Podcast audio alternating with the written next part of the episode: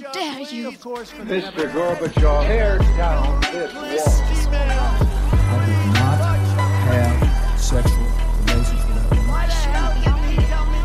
Read my lips. Hell yes, we're gonna take your AR-15. Well. I have a dream.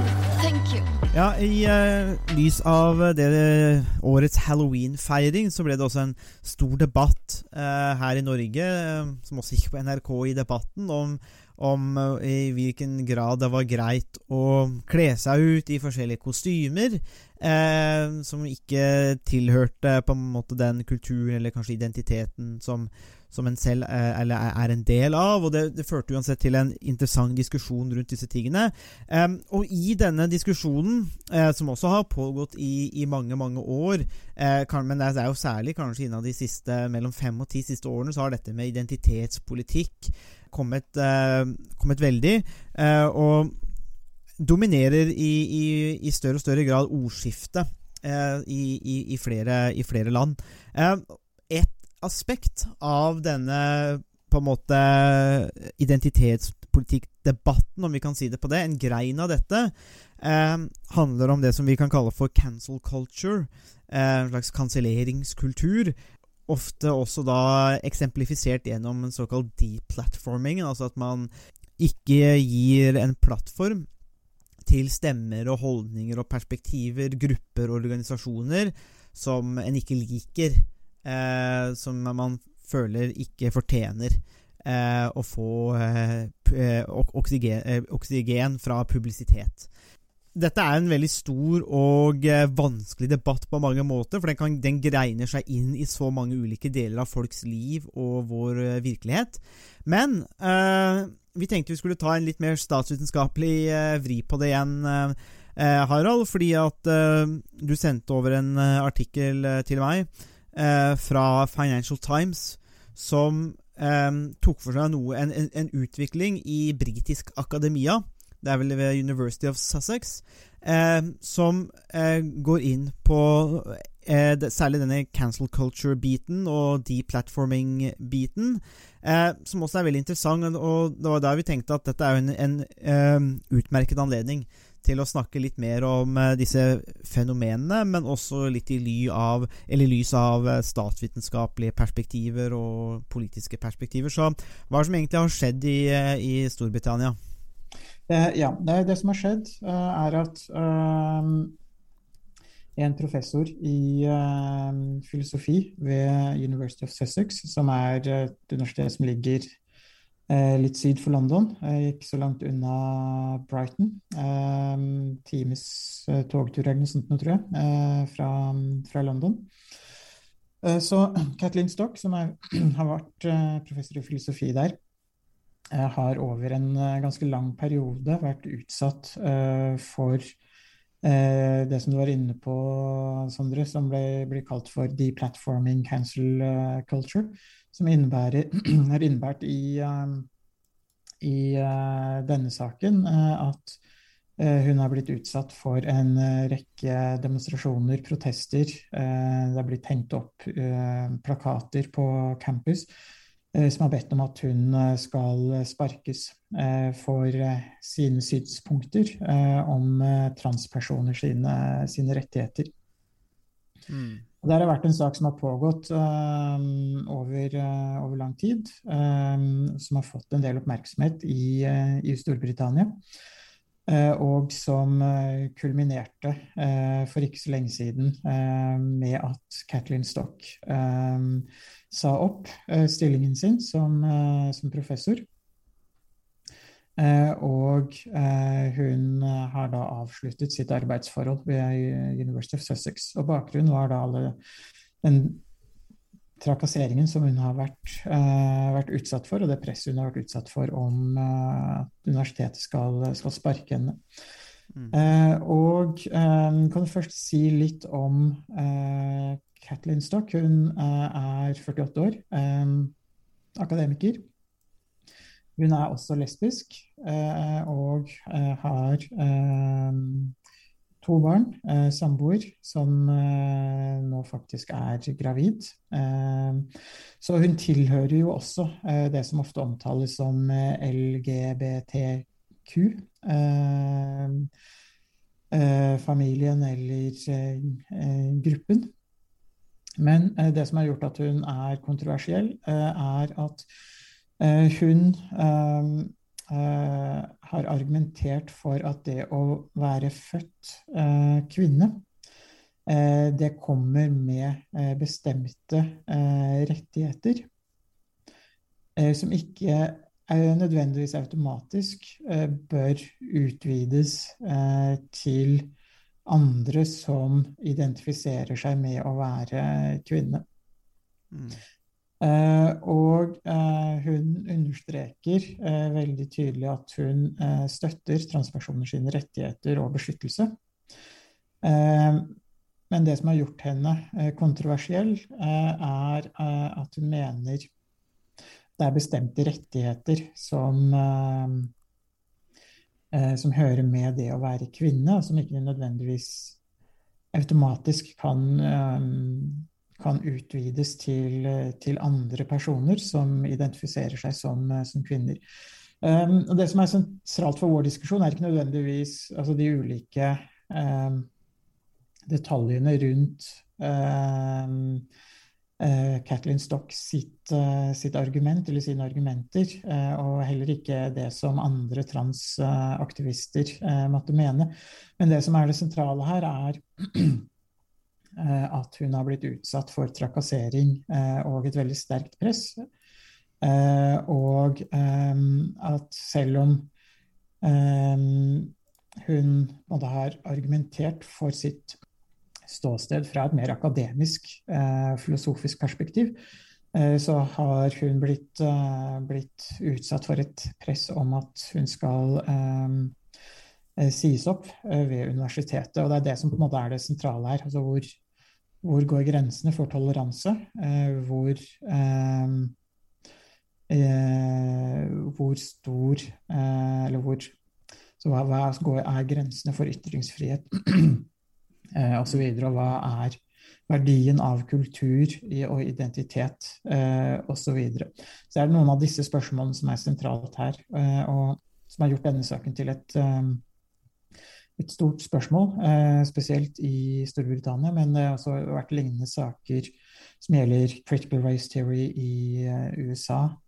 og mange andre eksempler på cancel culture osv. Så, videre. så der, dette er jo et spørsmål som um, sakskompleks som, som, brer om seg. I Norge så har jo Kunsthøgskolen eh, Oslo, eller Oslo eh, hatt noen av de samme diskusjonene det siste året, halvannet året. Så dette er et, uh, et ganske stort eh, saksomfang og saksområde som kanskje er i ferd med å eksplodere litt eh, med noen av de hendelsene som uh, vi har sett både i Norge, Storbritannia og USA de, den seneste tiden.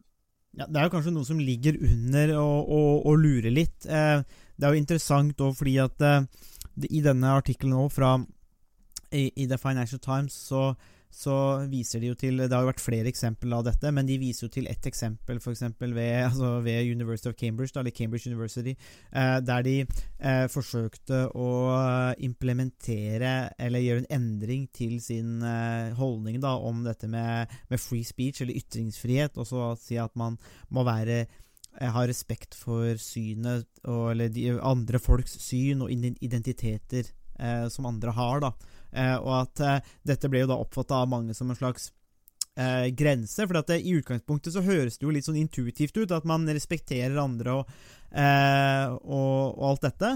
Eh, men med en gang man setter det inn i en slags lov, eller man gjør det til eh, noe til en aktiv politikk, så, så skal jo dette da eh, innføres og gjennomføres og håndheves på en eller annen måte. Eh, og, og, da er det ikke like intuitivt lenger hva som slipper gjennom, og hva som blir sett på som, eh, som bra og ikke. Og dette var jo, jo, var, var et opprør da, eh, ved eh, Cambridge University som der, der det som også jeg kanskje syns var mest spesielt når man leser om den saken, er jo nettopp det at eh, det var ingen, nesten. Det var bare fem, De fikk vel så vidt 25 offentlige signaturer for å, eh, for å forsøke å, å, stoppe dette forslaget eh, til, som universitetet hadde.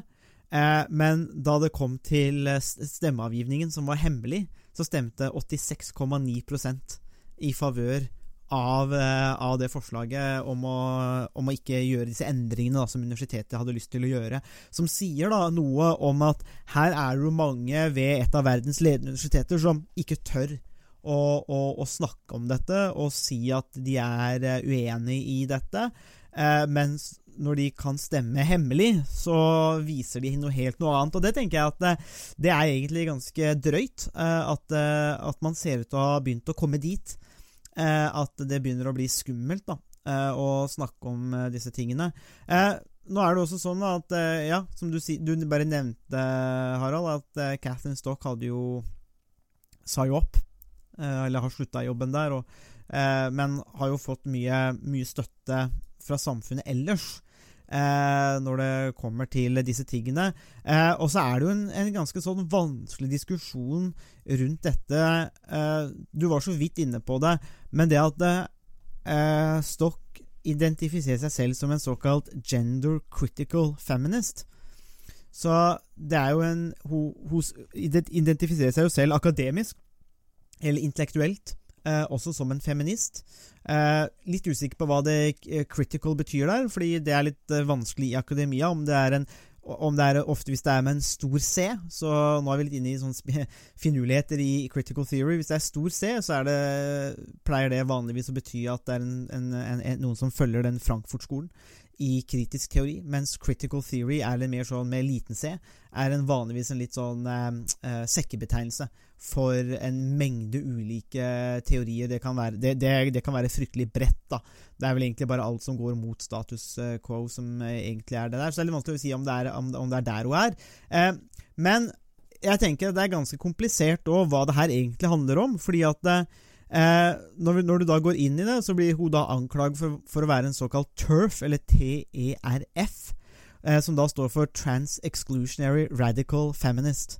Eh, og det er det hun blir anklaget for å være av disse studentene og aktivistene. Eh, også interessant at eh, Journalisten i Financial Times har jo forsøkt å snakke med mange av disse aktivistene, og de har jo sagt at de ikke liker Kathleen Stock, men de vet ikke helt hva hun har sagt. Eh, og det tenker jeg også var litt sånn eh, var litt interessant. Men det, det er ganske det er, det, er, det er, jo et ganske kan, kan, vi kalle det et slags snevert segment, eller altså hvor, hvor denne konflikten finner sted. Eh, bare konflikten, den er ganske, den er ganske snever, egentlig, altså.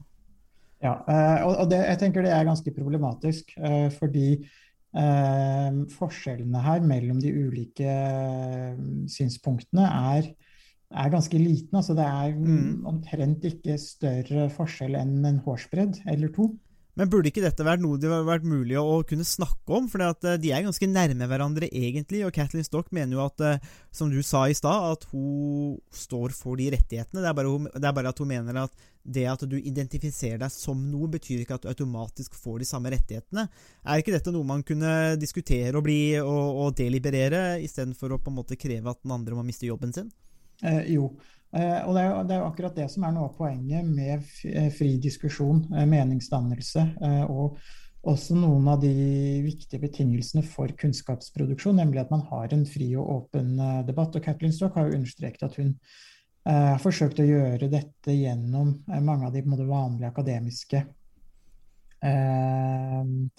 mange av de vanlige, vanlige akademiske måte, prosessene som publiseringer, foredrag, eh, undervisning osv., hvor man på en måte har en åpen og fri debatt, og hvor egentlig alle kan utfordre alle, eh, på sett og vis. Altså, man kan stille spørsmålstegn ved de premissene som undervisningen og forskningen bygger på. Det er jo noe av det som er grunnlaget for å skape ny, eh, ny kunnskap. Og det er også noe av det som gjør eksempelet fra Cambridge, som du, som du nevnte, eh, veldig viktig. fordi at eh, Universiteter og høyskoler skal produsere ny kunnskap, eh, og dersom eh, det blir lagt eh, lokk på vanskelige diskusjoner og vanskelige spørsmål, så vil man også hindre at nye perspektiver og ny kunnskap også kan, kan bli produsert og, og, komme frem i lyset.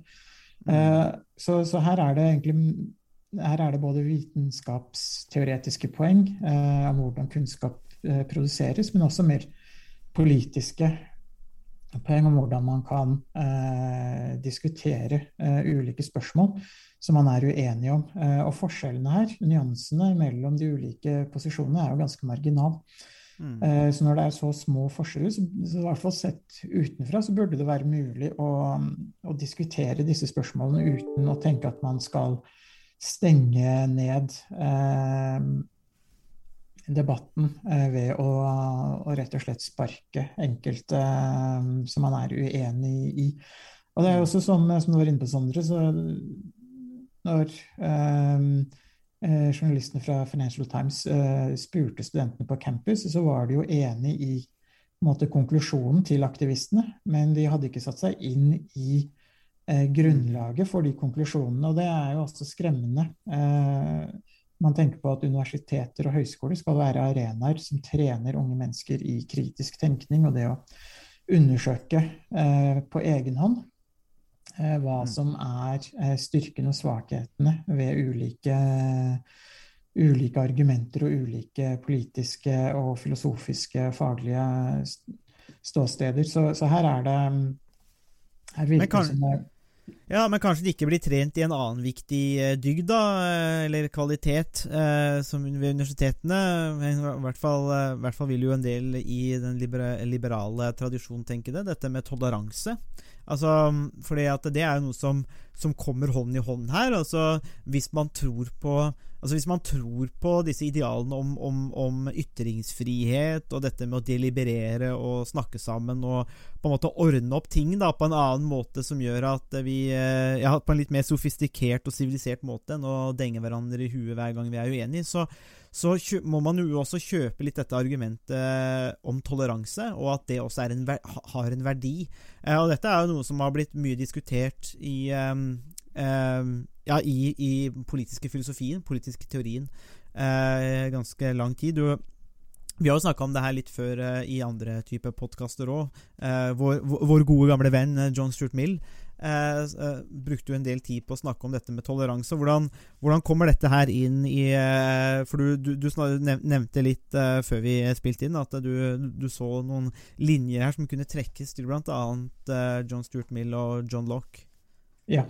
Um, noe av det som slår meg litt uh, når jeg lytter til uh, aktivistene som protesterer uh, mot Kathleen Stock og andre, er den veldig skråsikkerheten om at de har rett, og om at de har den hele og fulle sannheten. At det er umulig å se et spørsmål fra en annen vinkel enn det de, enn det de gjør.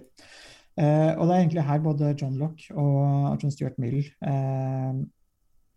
kommer inn i inn i bildet. Eh, fordi begge, begge to, eh, begge, begge, to har sagt og skrevet eh, mye om, om toleranse. Eh, og eh, John Lock har jo blant annet skrevet en, eh, en, bok eller avhandling om The Idea of Toleration på, på, slutten av 1600-tallet.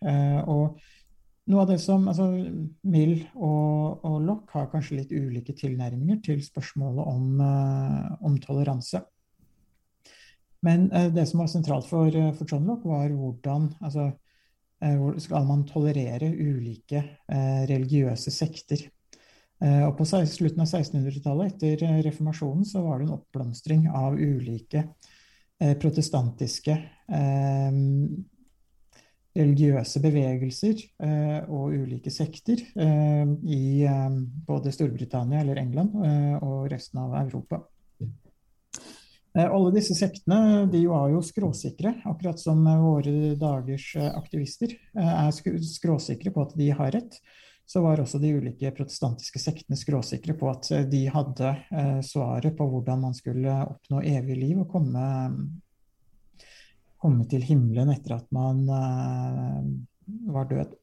Så da var jo spørsmålet altså, hvem er det som har rett av disse uh, ulike sektene, og i hvilken grad skal man akseptere og tolerere dem? For da, på slutten av 1600-tallet så hadde man jo også uh, den anglikanske kirken, som måtte være det man kan kalle en statskirke i, i England som på en måte var den uh, rettroende uh, delen av, uh, av kirken og kristendommen i England på slutten av 1600-tallet. Og, og, det er dette spørsmålet John Locke stiller seg. Og det han svarer, er til en viss grad at ok, det her er så kompliserte spørsmål om altså frelse, evig liv, eh, død, helvete osv. Så, videre. så hvem er det eh, som gir så, svaret er egentlig, eh, som, som Lock kommer opp med, delvis at det her er så komplisert, det er så vanskelig spørsmål at det er umulig nærmest å påberope seg at man har den hele og fulle sannheten i denne type spørsmål. Og så er det også et skille mellom det man tenker, og, eller et skille mellom tanker eh, og handlinger. Eh, og når det gjelder religiøsitet, så, så handler det jo mye om altså hva slags overbevisning man har, og hva slags tro man har. Um, og det, det, er litt det samme det handler om i disse spørsmålene også, om hva slags uh, syn man har på ulike personers uh, rettigheter og osv. Um, så sånn sett så ser man at uh, John Locke eh, på slutten av 1600-tallet argumenterte for en større grad av åpenhet eh, og tro på at man kanskje ikke hadde den hele og fulle sannheten om spørsmål om tro. Eh, og hvis vi ser hva vi kan lære av, eller hva som er relevant med John Locke i dag, så er det jo nettopp det med at det er ikke sikkert at disse aktivistene eller andre som er veldig skråsikre for den saks skyld, eh, har den hele og fulle sannheten, at man derfor være mer åpen eh, for de andre sine synspunkter, eh, og at man som, som du har vært inne på, Sondre, gjennom diskusjon, deliberasjon og mm. eh, kan kanskje komme frem til nye innsikter. Og det er også det som som John Stuart Mill eh, var opptatt av eh, i sitt forsvar av, av toleranse, nemlig det at eh, det er gjennom diskusjon og gjennom det å hele tiden stille spørsmålstegn ved vedtatte sannheter, mm. at man også kan komme til ny innsikt i mange, mange spørsmål. Og så er det jo også sånn at, som, som Mill også var inne på, det å ha en bestemt mening er vil i liten grad føre til noe eh, direkte skade eh, på andre mennesker eller på andre menneskers eh, muligheter til eh, livsutfoldelse og til å leve det livet de, eh, de selv ønsker. Mm. Eh, så, så, her ser vi at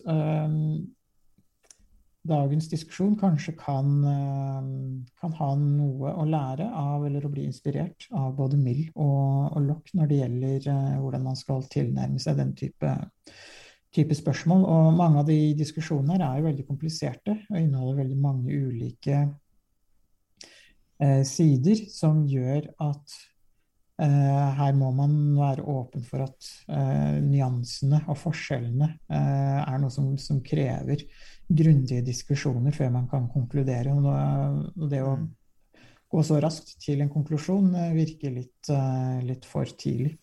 Ja, altså, det er jo sånn at disse studentene, eller det var ikke det var når man leser det, det er, det er, noen studenter, eller ganske mange aktivister, altså folk som ikke nødvendigvis er, er studerer ved skolen heller, som på en måte har vært, uh, vært ganske sånn store pådrivere for det her. Men det er, jo, det er, jo, noen av de studentene som var intervjua som sa at de følte seg utrygge uh, pga. Eh, professorens politiske ståsted, eller intellektuelle ståsted. men det er jo ikke noe bevis for, for noen trusler eller eh, former for misbruk eh, fra Kathleen Stock sin side. Det er bare det at uh, man føler seg utrygg fordi at hun har ytra de tingene hun har gjort. Men, men, det er jo ganske langt derifra å, å, si det, altså når man ikke har konkrete bevis på at her har det blitt misbruk av makt eller sånn type ting. så, så går man rundt og er redd for at man blir dårlig behandla og man er utrygg. Og det er klart at det, det skal man jo ta på alvor. Eh, når, når, studenter føler det på den måten. Men samtidig så må man jo også kunne kreve en, noen grader av bevis. Og det er jo litt sånn at eh, jeg, jeg, vil jo tenke at jeg, eller, jeg, jeg, har jo hatt forelesere som jeg har vært uenig i politisk standpunkt med, og jeg vet at de står på annen, noen andre politiske fløyer enn det jeg gjør. Jeg har aldri følt meg utrygg av den grunn. eh, hadde det vært eh, åpenbart at, at eh, jeg pga. mitt politiske ståsted f.eks.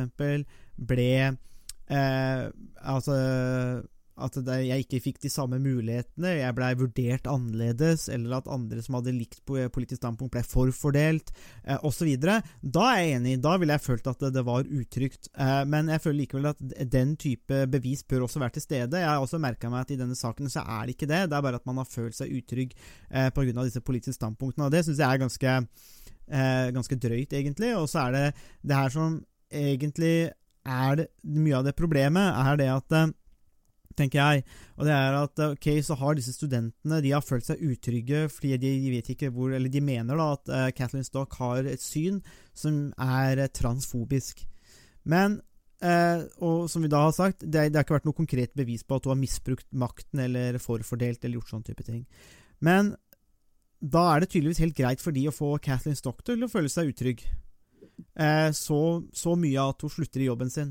Og da er det et normativt en normativt krasj. at, eh, Og da er vi litt inne på det som du nevner med, med litt dette med John Lock, og når man er så skråsikker at man har rett. At her er det jo en del studenter og aktivister som er veldig oppsatt på og besatt av å kjempe mot maktstrukturer. Det er jo ofte sånn det ofte blir òg, eh, av mange på det, Da snakker jeg ikke om disse her generelt, men det er dekonstruksjon, pleier jeg å si, det er ganske billig. Altså, Det er mange som lar seg blende av Michel Foucault og Derrida og den type arbeid, og det er fantastisk arbeid. Eh, intellektuelt fantastisk godt arbeid. Men rekonstruksjon er også en veldig viktig del, eh, og der er det mange som har feila. Marx Horkheimer, Adorno, Habermas, vi kan nevne de i fleng. Dekonstruksjon er ganske billig. Rekonstruksjon er ganske vanskelig. Eh, og det en del av disse i hvert fall er, er, mitt syn, der mange har falt i fella, er at eh, de har blitt så overbevist av sitt eget syn at det er sterk normativ grunn nok. Altså, man trenger ikke noe sterkere bevis enn at 'jeg mener jeg har rett'. Eh, og så kan du bevise hvorfor alle andre tar feil, og det er dårlig filosofi, dårlig logikk, og det normative går ikke, for det er vestlig kultur, eller det er patriarki, eller det er, religion, det er religion, eller Det er mange ulike ting. Men når det kommer til en selv, så holder det, da holder det f.eks. For, for en type som Marx å bare sette troa si på proletarets diktatur og et slags utopi. Og, da, og så holder det. Um, og det, det, samme føler jeg gjelder litt i det tilfellet her. er at det, man, man, har fått en normativ krasj fra aktivister og studenter som skal egentlig være veldig bevisste på hva maktstrukturer gjør med andre mennesker. Så har man latt seg blende av sin eget normative standpunkt, følt at det er bevis nok, og så er, er man fornøyde med å gjøre andre personer utrygge fordi at de ikke er enig med en selv. Og det tenker jeg, det, Der er det en intellektuell feilslutning, og det er også en normativ feilslutning, og jeg syns det egentlig er ganske alvorlig. Ja, jeg er helt enig. Jeg syns det er et veldig godt poeng, fordi øh, øh, det viser egentlig veldig tydelig hvor lite eh, hvor lite refleksjon det er rundt sin egen posisjon, som du var inne på. Det er lett å dekonstruere og lett å kritisere. og noe av det som mange av disse aktivistene mangler, er jo også et, et alternativ. Altså hvordan skal verden se ut hvis Eh, de får bestemme, eller hvis de får eh, gjennomslag politisk. Eh, og noe av det som kjennetegner mange av de mange av de bevegelsene som har klart å skape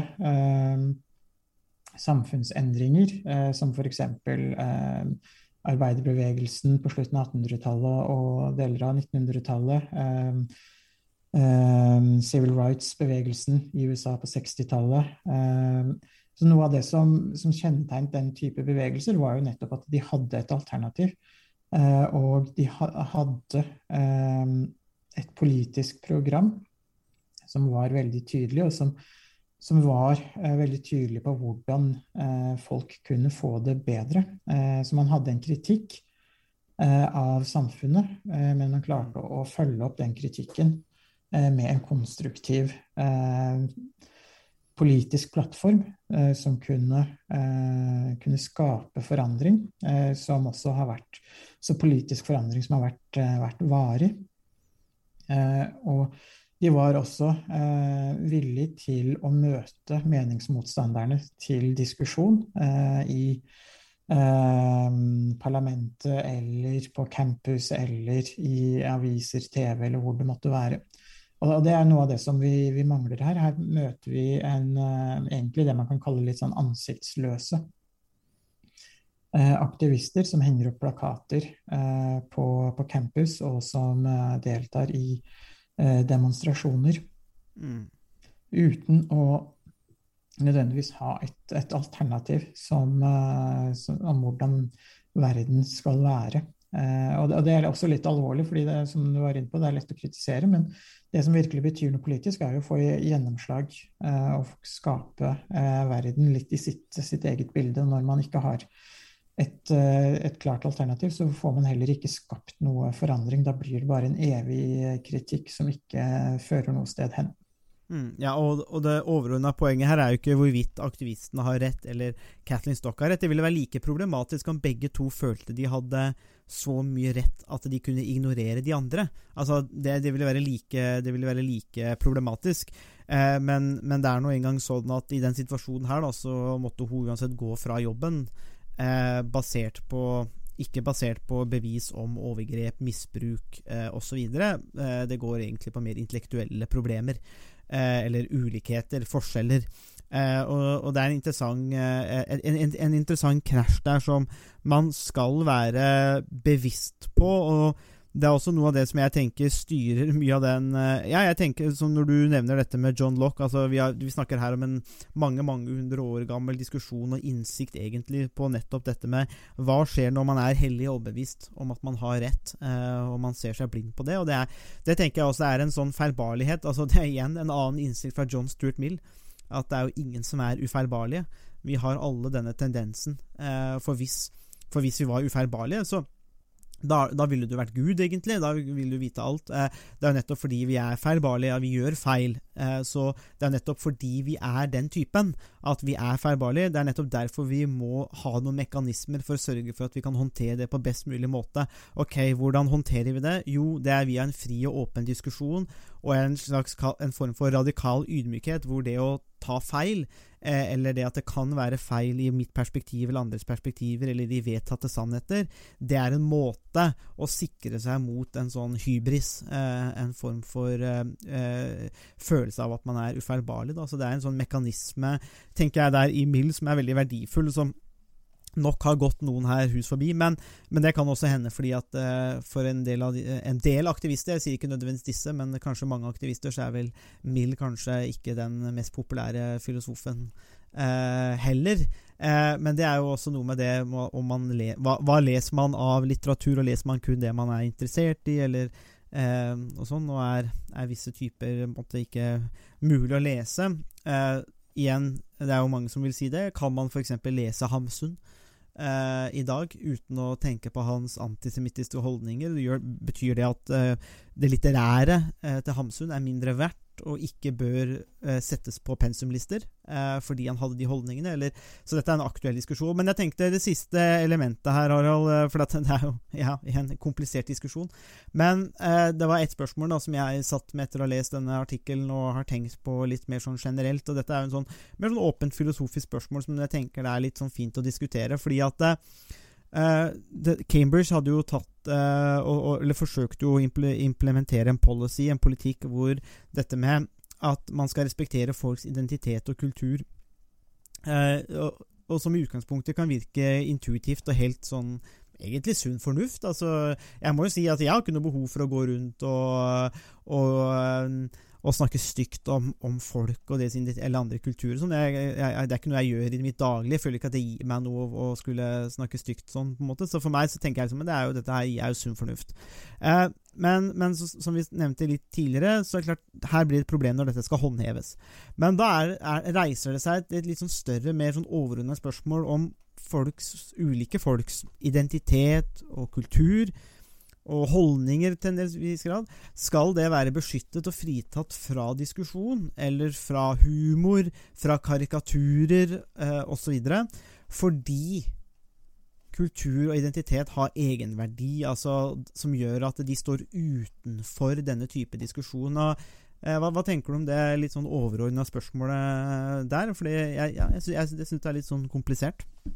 Ja, eh, jeg syns det her egentlig er et av de aller viktigste spørsmålene eh, som knytter seg til kultur og identitet. Eh, og for mange så kan det virke, kanskje virke som et veldig abstrakt spørsmål, altså om kultur og identitet har egenverdi eller verdi i seg selv. Eh, men når man begynner å se litt nærmere på, på dette spørsmålet, så ser man også at det har veldig eh, direkte betydning for, eh, altså for hva slags politikk og hva slags eh, eh, status eh, og, som man gir til ulike ytringer og synspunkter. Og jeg tenker altså Jeg kan egentlig hoppe rett til, til konklusjonen.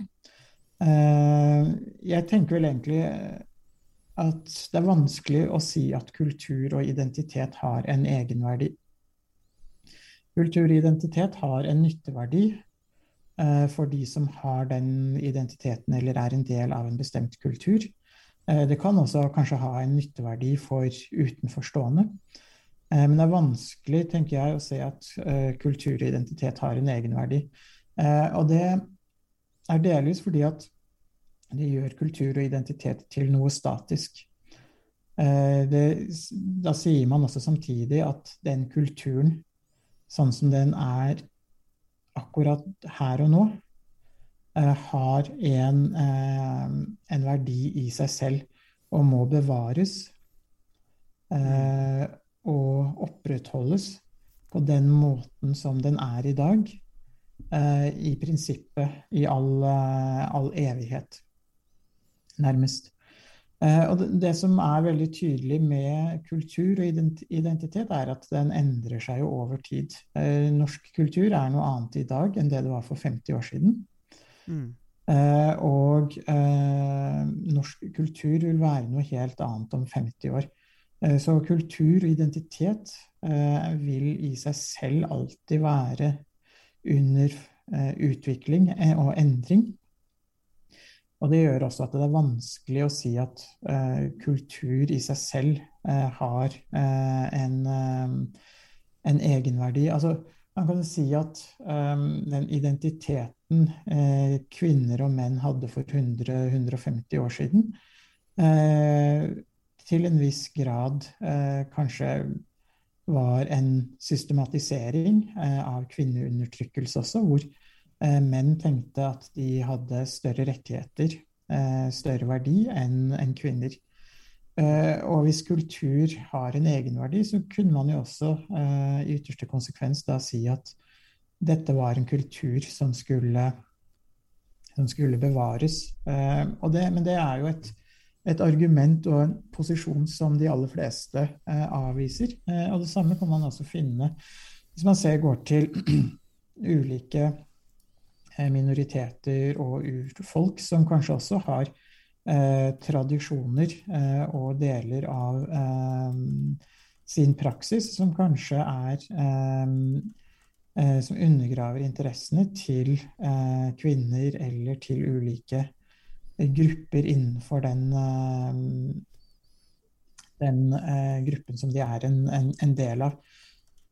Eh, og da får man jo også et, en konflikt mellom eh, menneskerettigheter, som altså religionsfrihet, ytringsfrihet, eh, det å være fri til å være med i ulike grupper og praksiser. Mm. Så, så her møter man på en del, en del polit, praktiske politiske problemer eh, som, eh, som gjør at man en, egentlig ender opp i en litt absurd situasjon hvis man tenker at kultur og identitet har en, eh, en egenverdi. Eh, og det at det ikke har en egenverdi, trenger ikke bety at det ikke har en stor verdi. Eh, for Mm. nytteverdien for mange, både de som er en del av en kultur og de som står på utsiden, kan være veldig, veldig stor.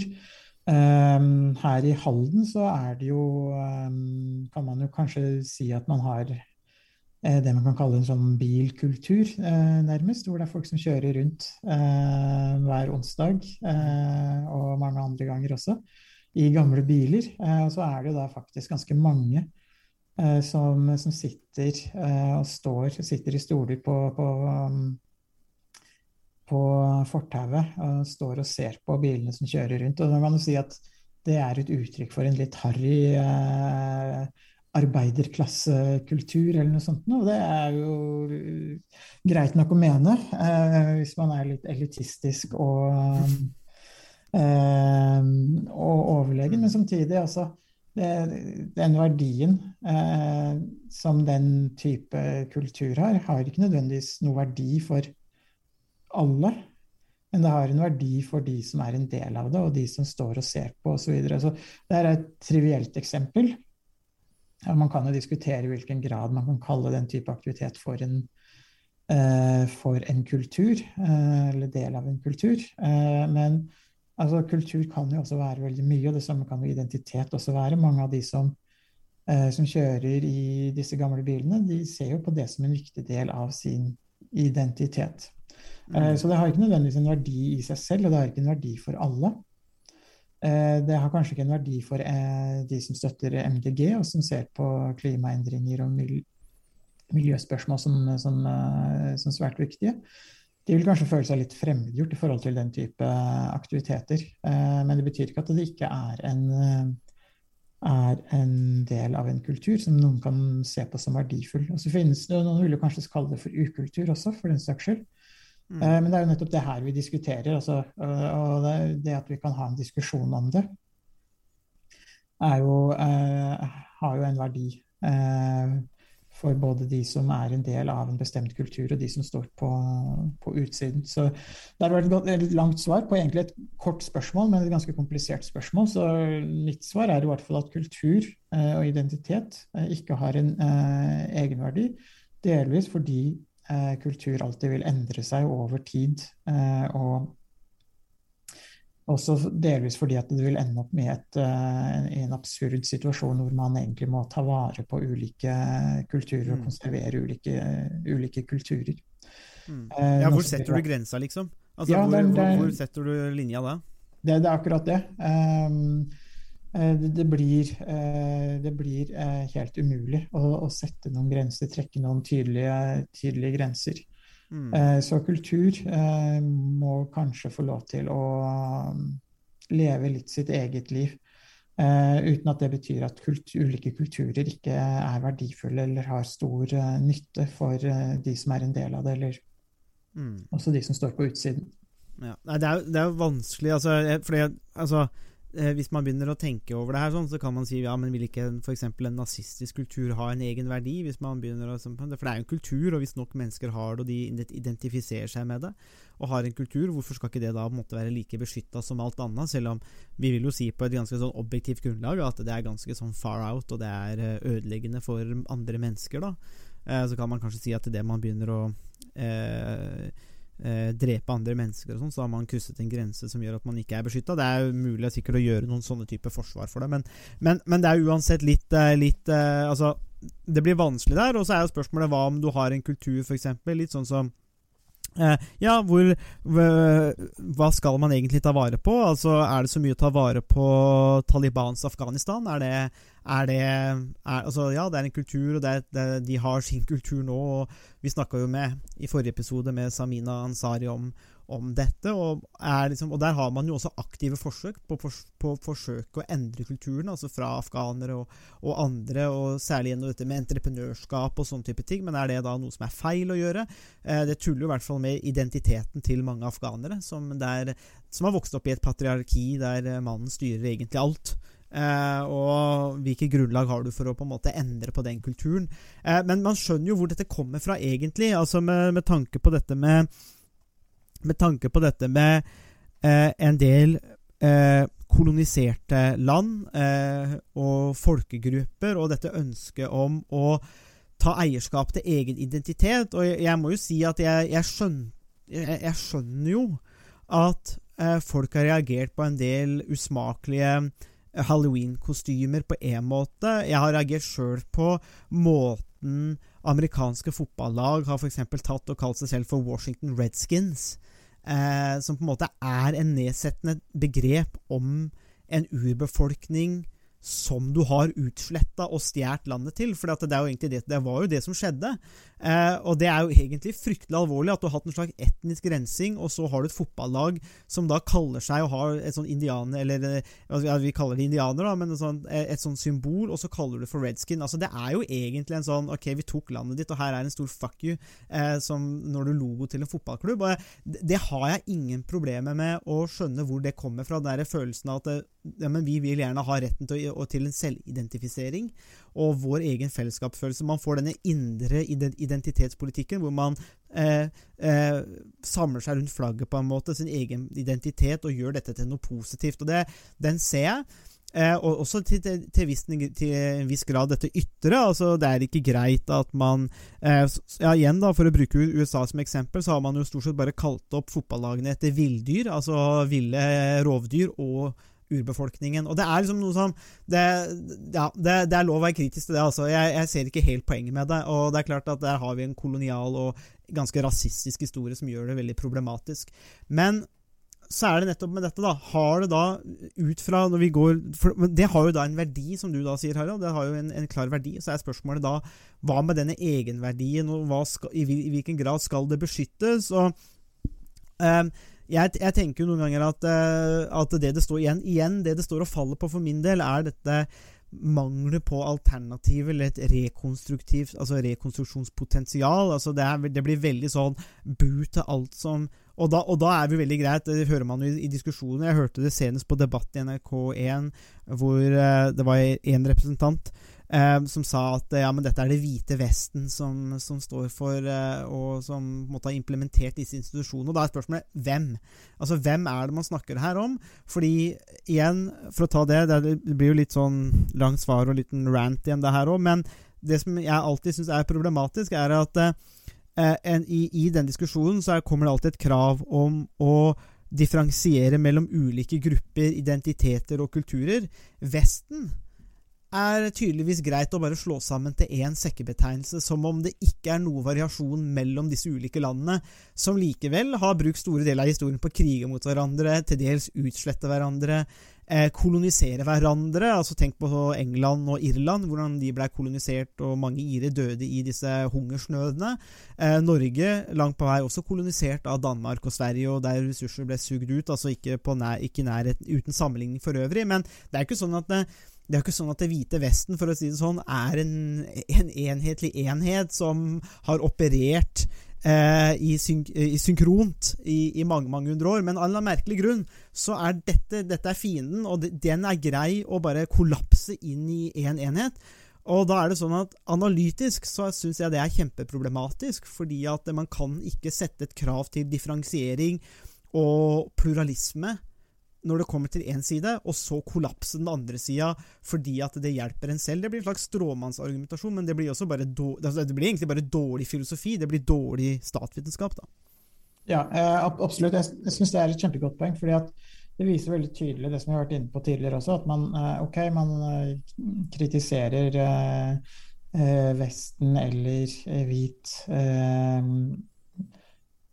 kolonisering, eller hva det måtte være. Eh, og det at man eh, tenker at hele Vesten er én en enhet, er jo ganske, ganske absurd. Spesielt når man ser mange av de store uenighetene som er mellom og har vært tidligere mellom Tyskland og Frankrike, mellom eh, alle krigene mellom eh, Frankrike og Storbritannia f.eks., eh, osv. Og, og når man også ser på tenker at Spania og Norge er eh, måte, to i og for seg vestlige samfunn, det kan man jo i og for seg si, men forskjellene mellom Norge og Spania er jo ganske, ganske store.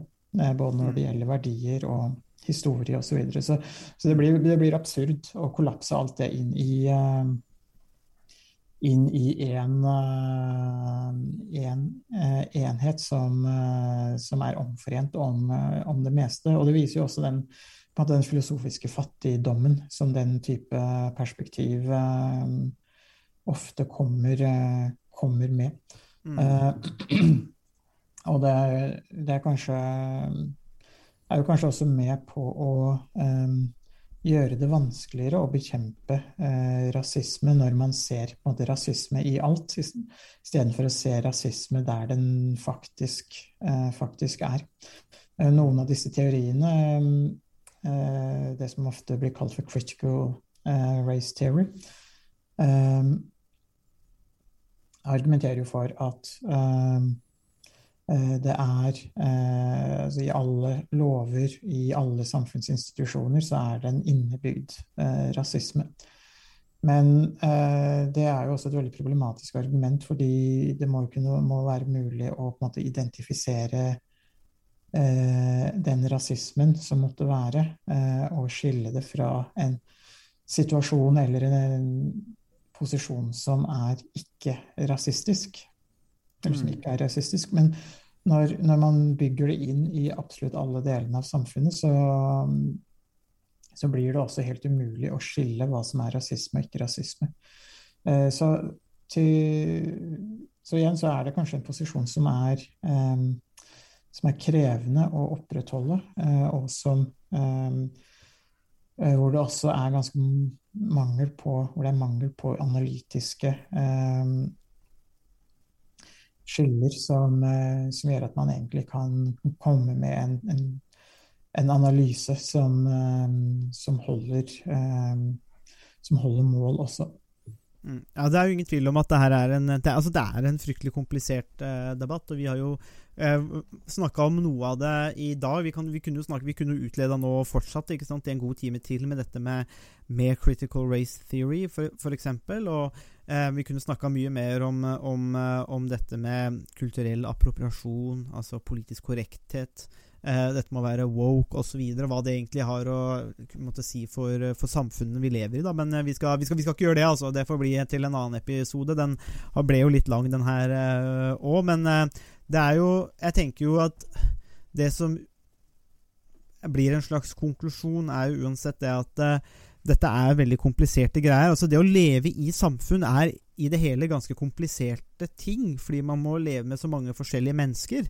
Eh, mange holdninger, opplevelser, attityder osv. Eh, og så er det jo en måte hvordan man klarer å styre da, dette her, og leve, i, leve sammen i fred og fordragelighet så nærmest som mulig. da, og da, da, det, da setter du en del krav til eh, Ja, man må ha en del mekanismer for det, og jeg er usikker på om denne eh, om denne trenden her som vi har diskutert i dag, om det er en, om, om det er en eh, god trend. Altså, det, jeg tenker liksom særlig da når vi trekker linjen tilbake eh, til dette som du nevnte i stad, Harald, med, med, med, John Lock, og, og når man er på en måte hellig overbevist om at man har rett, og at det er på en måte normativt grunnlag nok for å forsøke å kjempe gjennom sitt eget syn, og så har man sett seg blind på disse tingene. og Det tenker jeg kanskje er en slags Ja, Vi kan vel avslutte med det som en slags advarsel kanskje fra oss i eh, SOS-podden om at eh, man ikke må man må ikke se seg blinde på sine egne sannheter, kanskje, og sine, egen, sine egne normative standpunkter. Og, for da blir de vel, som John Stuart Mill advarte mot, da, døde dogmer, og de eh, For å parafrasere Mill litt, så sånt har vi ikke bruk for, egentlig. Så det får vel kanskje bli oppsummeringen vår. Det var det vi hadde å by på i denne ukas episode av Statsvitenskap og sånt. Musikken er komponert av Robin Horvath, og Thomas Focolato står for miksing og redigering. Du finner oss på Facebook, bare søk på Statsvitenskap og sånt. Der kan dere komme i kontakt med oss hvis dere har spørsmål eller kommentarer. Der finner du også aktuelle artikler, videoer med mer. Vi setter pris på om dere liker sida, og deler den med andre som dere tenker vil ha glede av å høre på podkasten. Vi høres!